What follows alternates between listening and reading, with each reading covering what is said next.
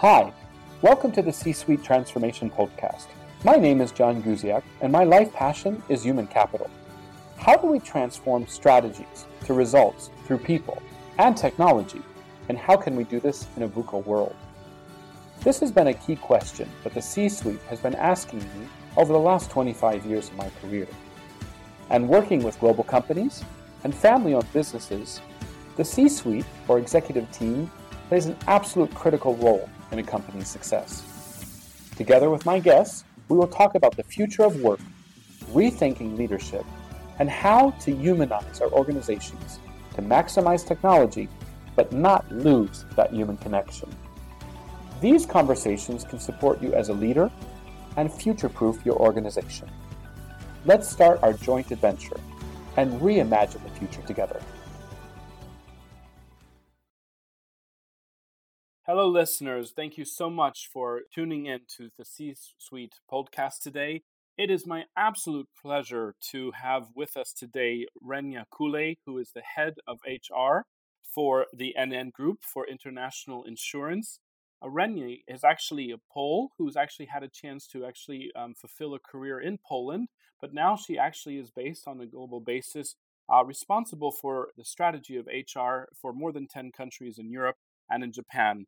Uh, Renia, welcome, and we're so looking forward to having you today. How are you doing today? Hi, John. Welcome. Nice to hear you. I'm also happy to be here. It's funny because I was born in Krakow and here I am sitting at home in Krakow where I was born, although having this beautiful international job. But thanks to lockdown, I'm home. Wonderful. Now, yeah. one of the things, Renia, that you shared with me earlier is that your career actually started with selling hot dogs. Can you tell us a little bit about how hot dogs and HR uh, came together? Well, I think it does because selling hot dogs, you need to understand your customer, who is people, and HR is very much about understanding people. But seriously, so after the first year of studies, I was having this dream to go to abroad to conquer the world. There was this dream of being in America or in Canada in my family, as my grandfather lived there for, for many, many years. So I went to Canada for vacation and I also wanted to earn some money. And yes, I decided to go for this job of selling hot dogs in the corner of the College and Bay Street. So it was very nice experience and vacation job. So it really brought you into that international world, and that continued even when you came back to Poland. Well, I had this dream to immigrate to Canada. Even I oh. really loved this country because I think in Canada what I felt was different at the time versus Poland was that it was really very very diverse country and you had a lot of different immigrants from different places and they were being respected and honored for who they are so i really loved it and i even had this dream to emigrate to canada actually i applied for it oh. i didn't fulfill this dream because in the meantime i fell in love and decided to stay in Poland because I chose for love. And this dream was not shared with my partner, but yes, I really liked it. And I think that this affiliation, admiration for international and different cultures and diversity is in me until now. So that's why I'm very happy of having this job and being able to deal with different people and cultures and really feeling, you know, that like the citizen of the world. Wonderful. And why did you decide to choose HR as your career field? Or was it actually a choice or was it just something you fell into?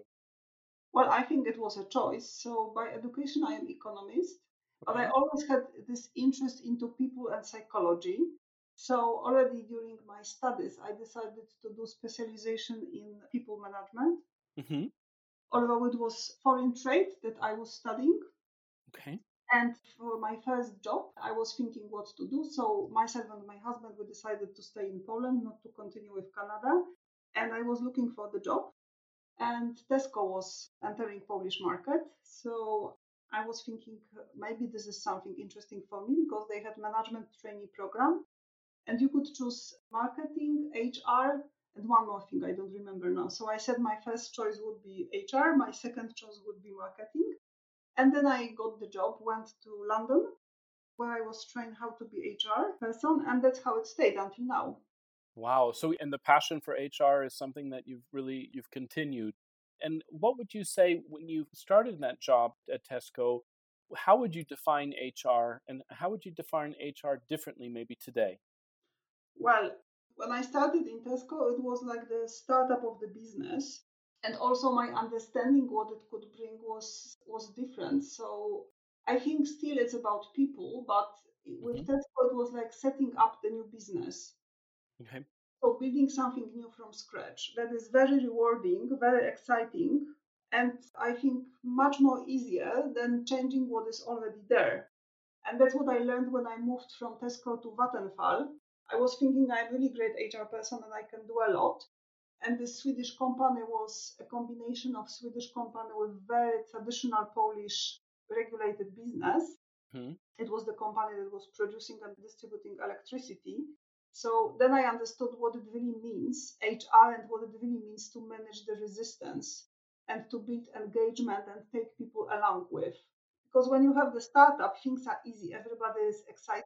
Mm-hmm. And it's really very rewarding job to build something from scratch. Mm-hmm. If you want to change something what is already there for a while and it's being established, it's a different journey. I think it's also very rewarding, but it requires completely different skills.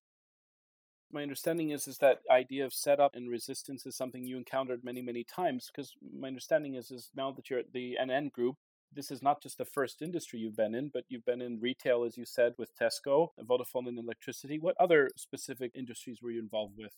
It was Vattenfall. Vattenfall. Mm-hmm. And what other industries were you involved with? FMCG mm-hmm. and finance industry now. Wow. So would you say that HR across all of those industries is very, very similar? Or do you think there is a really specific type of HR professional that should be involved in each of those different types of industries? Well, I don't think that it's so much driven by the industry because I think I believe people everywhere are the same. Mm-hmm. I think mm-hmm. it much more depends what you want to achieve in the business and what is the strategic and business context that you are in. Mm-hmm. I think it's far more important than the industry when you are in because if you have business transformation or turn around, so maybe the content and the technicality of the business are different, but people behavior mm-hmm. is the same. So I think it's more about what you want to achieve, what are your challenges, what is the business context, not so much what is the industry. At least this is my experience and belief. Mm-hmm. So really, it's understanding you know what is the company trying to do, and how are people going to be a critical element of making that happen. That's really yeah. at the core of HR. Help us to understand one thing. It's one thing to be involved in HR in your own home country. It's another to be asked to actually manage basically the human resources for an entire region, or as you said, 10 European countries and Japan. Can you help us to just briefly understand how you moved into that role and what were some of the challenges you faced? It's a tremendous accomplishment, Rania. So before I moved to this international job, I was asked to be head of HR for Turkey. Mm-hmm. And I think without this experience, I couldn't do this current job because when you are in your own country and you are successful or you think you are successful, it's relatively easy to do the job in your country because everything is known and you understand very well the context and the culture that you come from. And when you go to a different country and you don't speak the language, you don't understand the context fully, you need to rely a lot on your environment, on people around, but you need to be able to build the connection that people would trust you and that they would really want to work with you. Mm-hmm. I would say with you, not for you, but with you. So I think that this was the most exciting transition for me to experience that being head of HR in your own country versus working abroad is completely different thing. Mm-hmm. The latter one is, I think, even more exciting, and you can bring a lot, mm-hmm. but you need to know how to do it. So I don't agree. There are this concept telling that head of HR should be always from the country of origin. I don't okay. believe in it, mm-hmm. and I proud because in my own team, I have examples of appointments of people who are not from the country of origin. So I have three HR directors who are responsible for HR and they are not from the country of origin. And in each case, it was a very conscious decision and wow. it worked perfectly. Wow. Because they also understood that need for connection and to work with the people. Yeah. But also, I think that the main value of HR is to shape the company culture and the behavior. Mm-hmm. In paradox, sometimes it's easier to accept it from expat. Hmm. Can you give me an example? If you do it right, so maybe the example of Japan.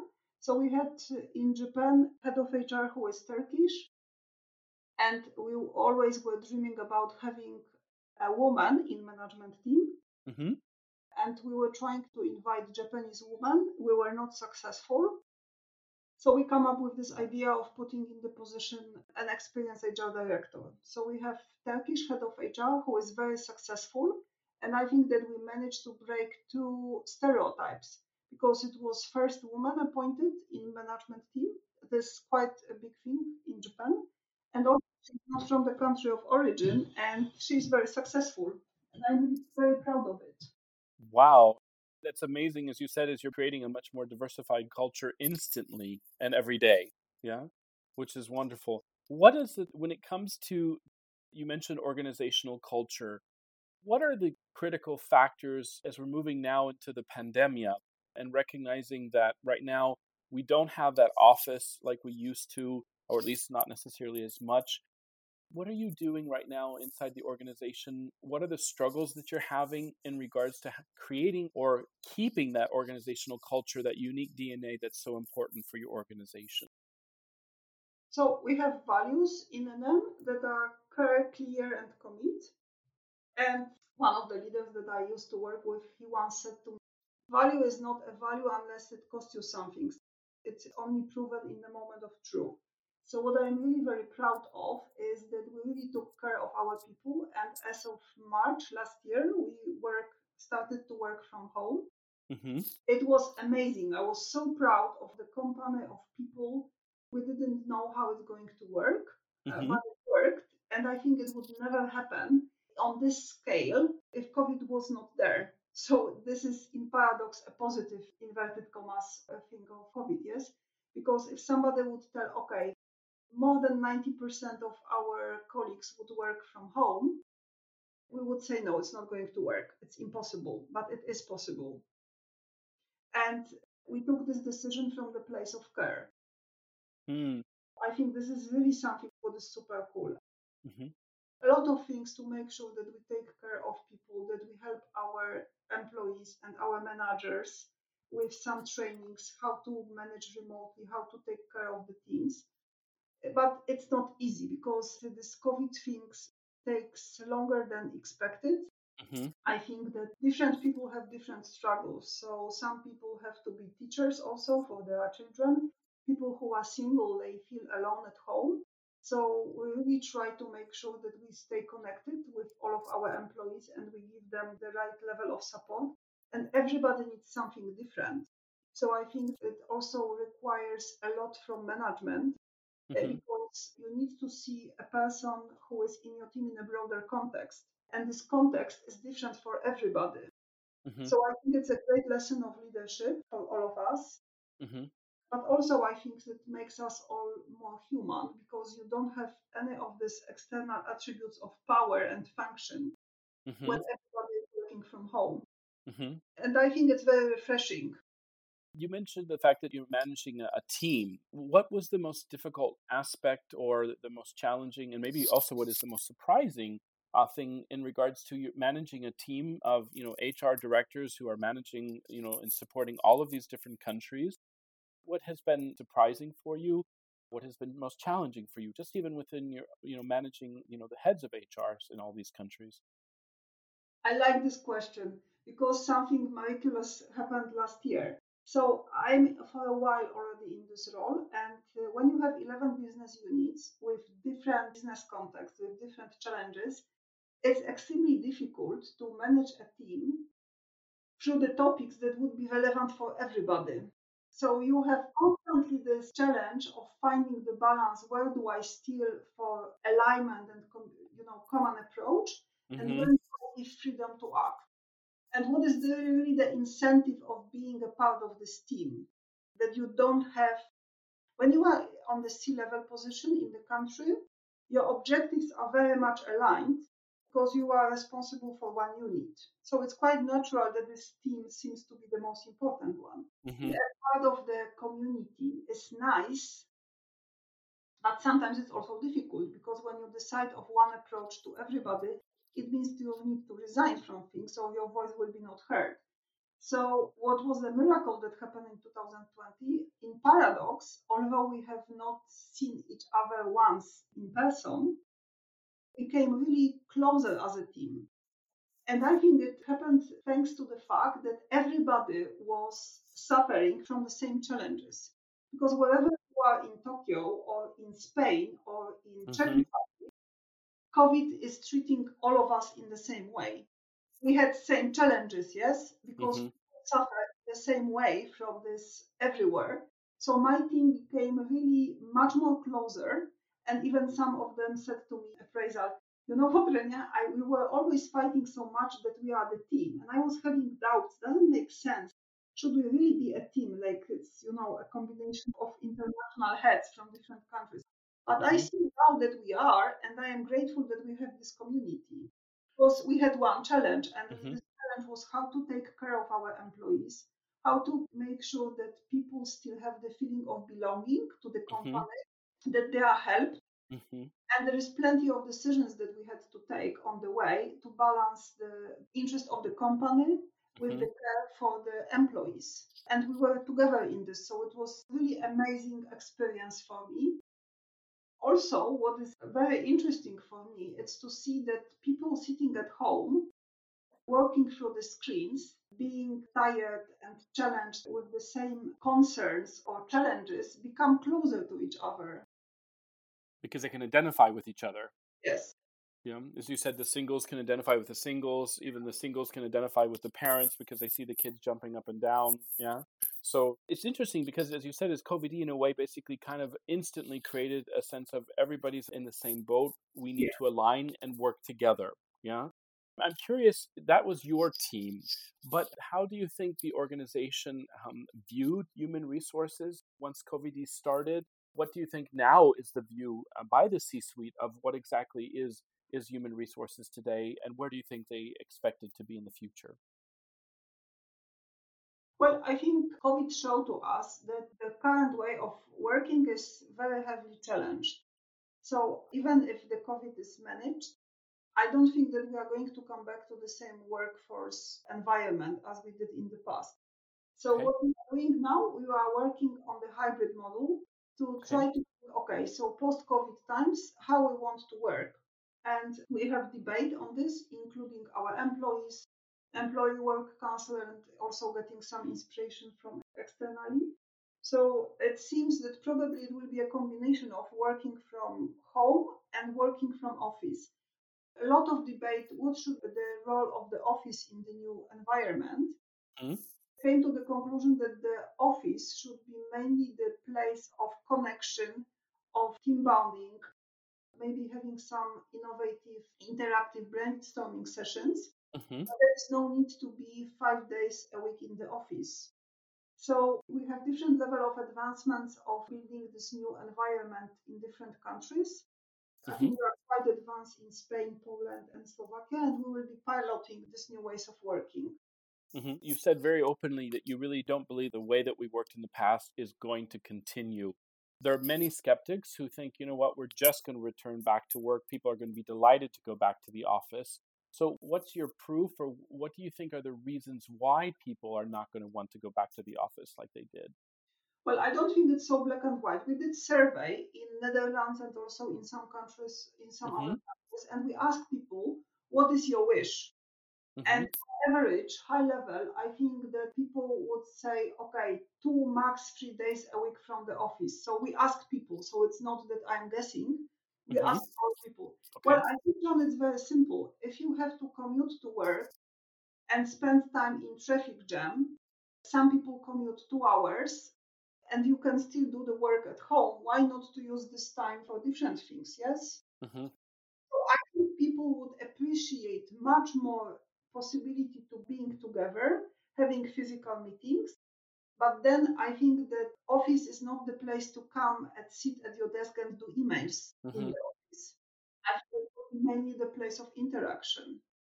How do you see the role of HR in helping to build that hybrid model? Uh, what do you think are the critical factors that are going to be important if we're talking to other HR directors right now and you know their C-suite are trying to make the decision do we do hybrid? Do we not do hybrid? If we do hybrid what are the key factors? What do you think is really the role of HR in really shaping this new way of work? Well the conclusion is we do hybrid but you need to do hybrid in the way that is very inclusive. So what we say diversity and inclusion is something that really matters to us but we say that diversity it means that we are being alike but we are not the same mm. so i think the difficulty and the challenge is how to build a model that will accommodate wishes and different situations of our employee because people have different wishes mm-hmm. i see the role of hr in trying to conduct this dialogue and i believe that it should be dialogue between managers employees and management take consideration a lot of different views and come up with something mm-hmm. what would be really very inclusive and that would accommodate different needs of different groups of employees. Mm-hmm. As you said, the singles, the caregivers, the people who are having the commutes, etc. I think what you mentioned is very important is that whole individual approach. Yeah. We just don't talk about employees, but we talk about this employee who basically has this challenge and this opportunity. It's fundamentally important. What do you think when you think about leadership? A lot of people right now are really trying to think about well, look, if we're going to be moving to a hybrid model, we're going to be asking people to be working in a very different way. A lot of that responsibility falls on leadership. Would you agree with that or not? Yes, I completely agree with this. And I think that it requires much more from leaders because it is not a leader who would create the work environment and model in line with what he or she likes but then you really need to accommodate you know different wishes and employee situations in your team so i think definitely it would require much more from leaders mm-hmm. if you're looking at now recruiting people in the future yeah I know, for example, there was a, a, very interesting conversation where someone said, "Is I no longer ask questions about what people have done. What I ask is what people would do. So, you know, it's not the question of what did you do, but if something was to happen, how would you react? This whole kind of idea of, of moving from experience to can you actually build different types of scenarios? What do you think are the two or three fundamental questions that need to now be involved in recruiting leaders for the future? I was thinking about it and I think there are three words that comes to my mind. One of them is compassion. I think that this is ability to listen to others, have empathy, and really understand people. Second one is connection, and what I mean by connection is ability to connect to people on a deeper level. Okay. I think that there is a paradox that now. I think in the context of technology revolution, it was never easier to connect than now. Mm-hmm. But then the question is what really connection means. And I think that this connection is like technically you can connect, but being able to connect with people really on deeper psychological level, to connect with the purpose and the meaning of their job, this is something what is really, really important. Hmm. It's interesting you mentioned that because I think when in the global human resources trends, we really saw very clearly that that need for you know purpose for the job, uh, potential, helping that person see you know where they are able to grow and to develop, and also um, that perspective, recognizing you know what's the context in which we're working, are really all important for a person to really feel that they're connected to the organization. So compassion, connection, and you mentioned the third. What's that third word? Uh, the third one for me is collaboration. So I really think that this ability to work with others is a future because I think this old school thinking about functions that is coming from, you know, that this is person is head of something and this person. I think we need to collaborate to really be able to solve customer pains and problems, whatever the industry is. And to be able to solve things, you really need to collaborate and communicate and to do it together. I also think that these hierarchical models of management with big, you know, silos mm-hmm. is something what is not going to. World is changing so quickly that you need to engage people who are really close to the matters. And also, I think that a leader is not a person who is solving problems on content level anymore. This is the person who needs to create environment that people want to be at their best and solve problems themselves. I think it's difficult because for some leaders, it was a pride to be the smartest cookie in the pack. Mm-hmm. And power that mm-hmm. Is attributed to like these external attributes, like, you know, nice office, suit, and mm-hmm. all of those things that are, you know, like attribute of formal power. But I think it's past. Mm-hmm. It's interesting you mentioned as well as, is creating an environment in which others can really flourish. I remember recently when someone actually before the pandemic, the people basically said that they thought that teams were dead. Yeah. Do you agree that teams are going to be dead, or do you think actually it's the core of, of our future? That the teams will be dead, or did I misheard?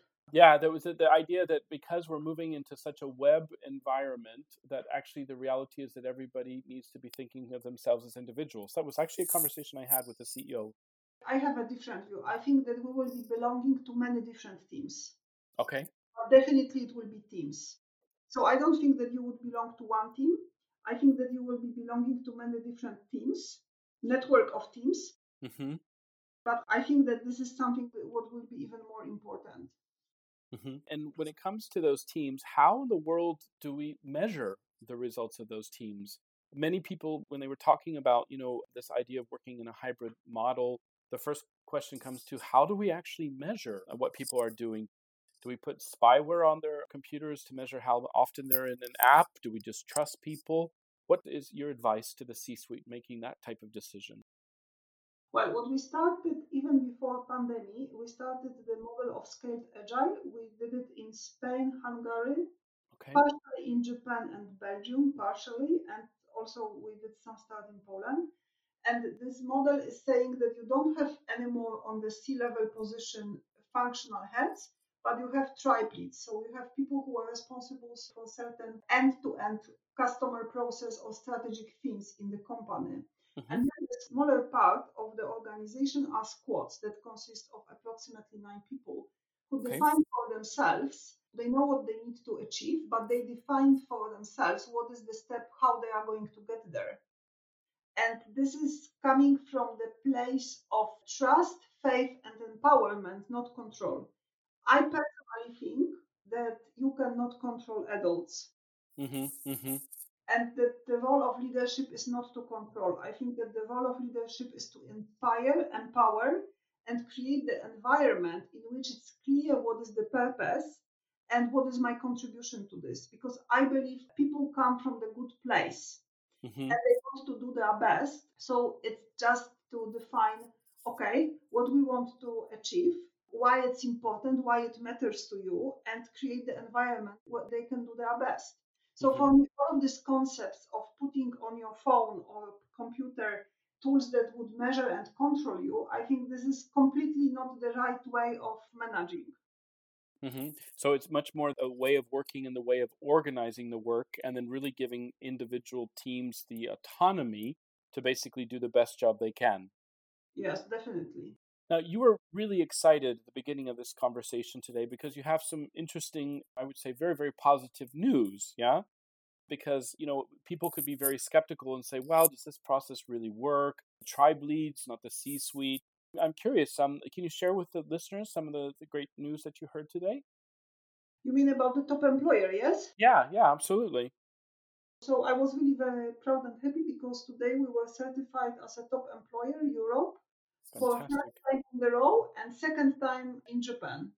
Wow. Very proud of my team and all of the people who contributed because it's not only HR, I think it's all of our leaders who contribute to this. And when I started in this role and I proposed to the team, okay, let's try to get certified, people were doubting, no, Renia, it's too ambitious, we cannot get there. And you know, a few years later, we got there and uh, we also were certified, you know, third time in the row. So I think you need to have a dream and the faith that you can get there. And people will follow because I think people like to contribute to something bigger. I think people want to fulfill their dreams. You just need to create the environment. And if it comes from the place of faith, not fear, I think miracles can be done. Wow, that's inspiring, yeah? I really think that creating fear is like a failure And this is like really being powerless in the position. So if you by your the way you manage or the way you people create fear, it means that you are powerless. When it comes to that issue of, of fear and powerlessness, there is often this sense that technology somehow is going to replace, for example, HR in the future. Yeah.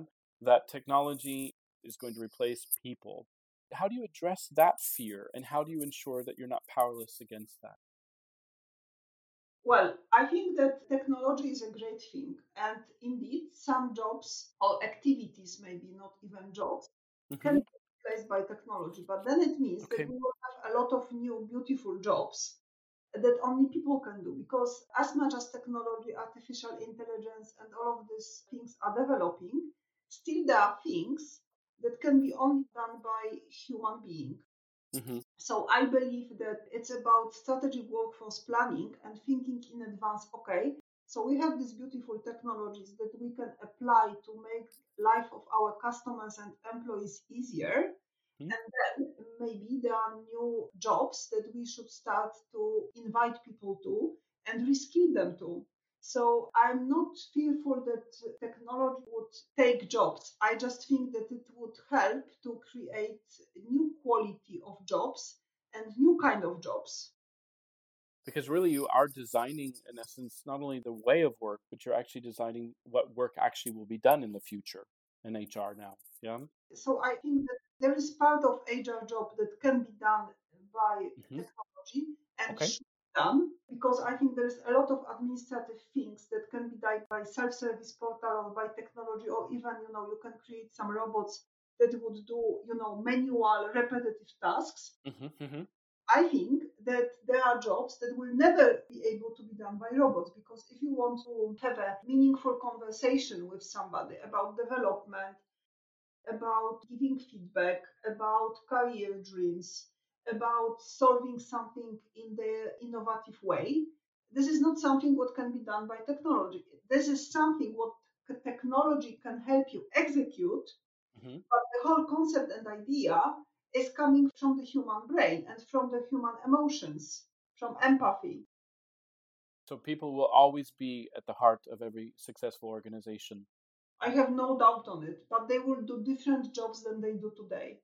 I have no doubt that always people will be in the heart, but their jobs will be different. If you were today to give a recommendation to the younger listeners in this program who are aspiring to be excellent HR professionals, you know, they've chosen to take the same type of career path, which is the people, the psychology, the technology, different industries. What would be your key recommendation for them? I believe that in life we should do what we really love whether it's being HR or whoever, I think it's a very difficult question to be answered. What do I really love to do?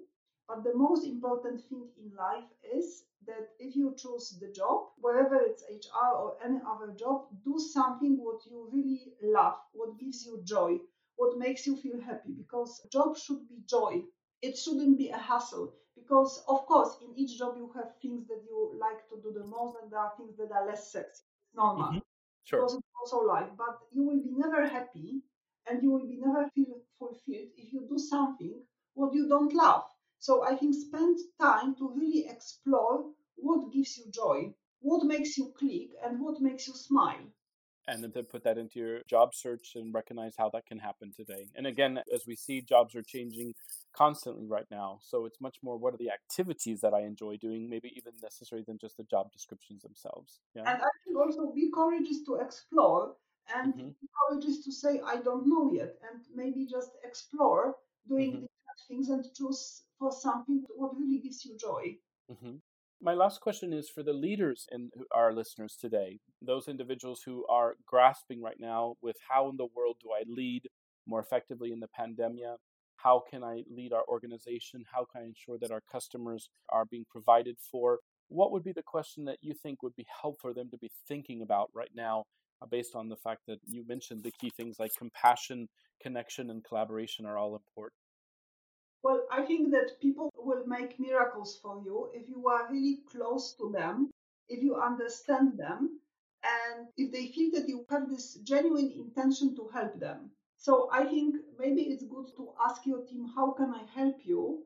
But do it with the genuine intention. Because maybe sometimes you do things as a manager and you are super busy mm-hmm. uh, your completely doesn't need from you. So mm. I can be really humble to check how can I the best add value to my team mm. and do it from the place not of being fearful of not delivering results, but really from the place of creating the environment that you do it together with your team. Wow. So I think it's not so much about what is the question that you ask, but that you are able to ask it with a very genuine intention. That authenticity. Yes, authenticity, that people feel that you really care. So if you ask, How are you doing? be patient and listen because people really will tell you a lot and as you said in in this connected world we need to recognize that even if that we have that 30 minutes with that person you know that first couple of minutes can make all the difference yes i'm really glad that you say it because some people say oh i don't have time because i have so many direct reports but i think that if you invest first sometimes it's enough to invest first five ten minutes into asking the right question then the entire conversation has completely different flow Mm. And sometimes for people, it's just enough to be heard mm-hmm. and to create the space that they feel, okay, she really meant, how can I help you? She really meant, how do I do? I think that this can be really very powerful. And sometimes it really doesn't require a lot of time. You know, it's interesting that, you know, the global human resources trend showed, you know, before the pandemic that belonging would be absolutely important and essential that teams would become more and more important and that leadership needed to take on that you know not the soft face in the sense of but in the sense of this uh, recognition authenticity yeah?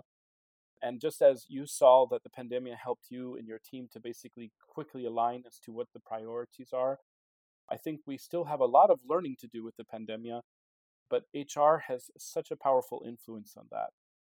Renia, I want to just thank you very much just for your inspiration. I've taken so many notes myself, and I think that you know uh, your team is very lucky to have you. And I want to again thank you very much, and I wish you the greatest success as you move on in your career. And uh, who knows, you're in Krakow, then you may be going to be in the Netherlands, and who knows, maybe you'll be in Japan, or as you said, you had that passion for Canada. You never know where you'll be next. Yeah, which would be good. But thank you so much for your time today. Thank you, John. So, listeners, we thank you again for listening to this podcast with Renia Kulej from NN Group. We hope that you've been able to enjoy this, that you've taken inspiration from it, and we look forward to sharing more about the C suite and key activities that are needed for us to be successful in the pandemia and post pandemia world. Thank you very much. Thank you for listening to our conversation today. If you like the podcast, I encourage you to subscribe. See you in the next episode, and stay tuned and enjoy creating the future. You can find this and other episodes on the most popular podcast platforms and on the Deloitte.com podcast page.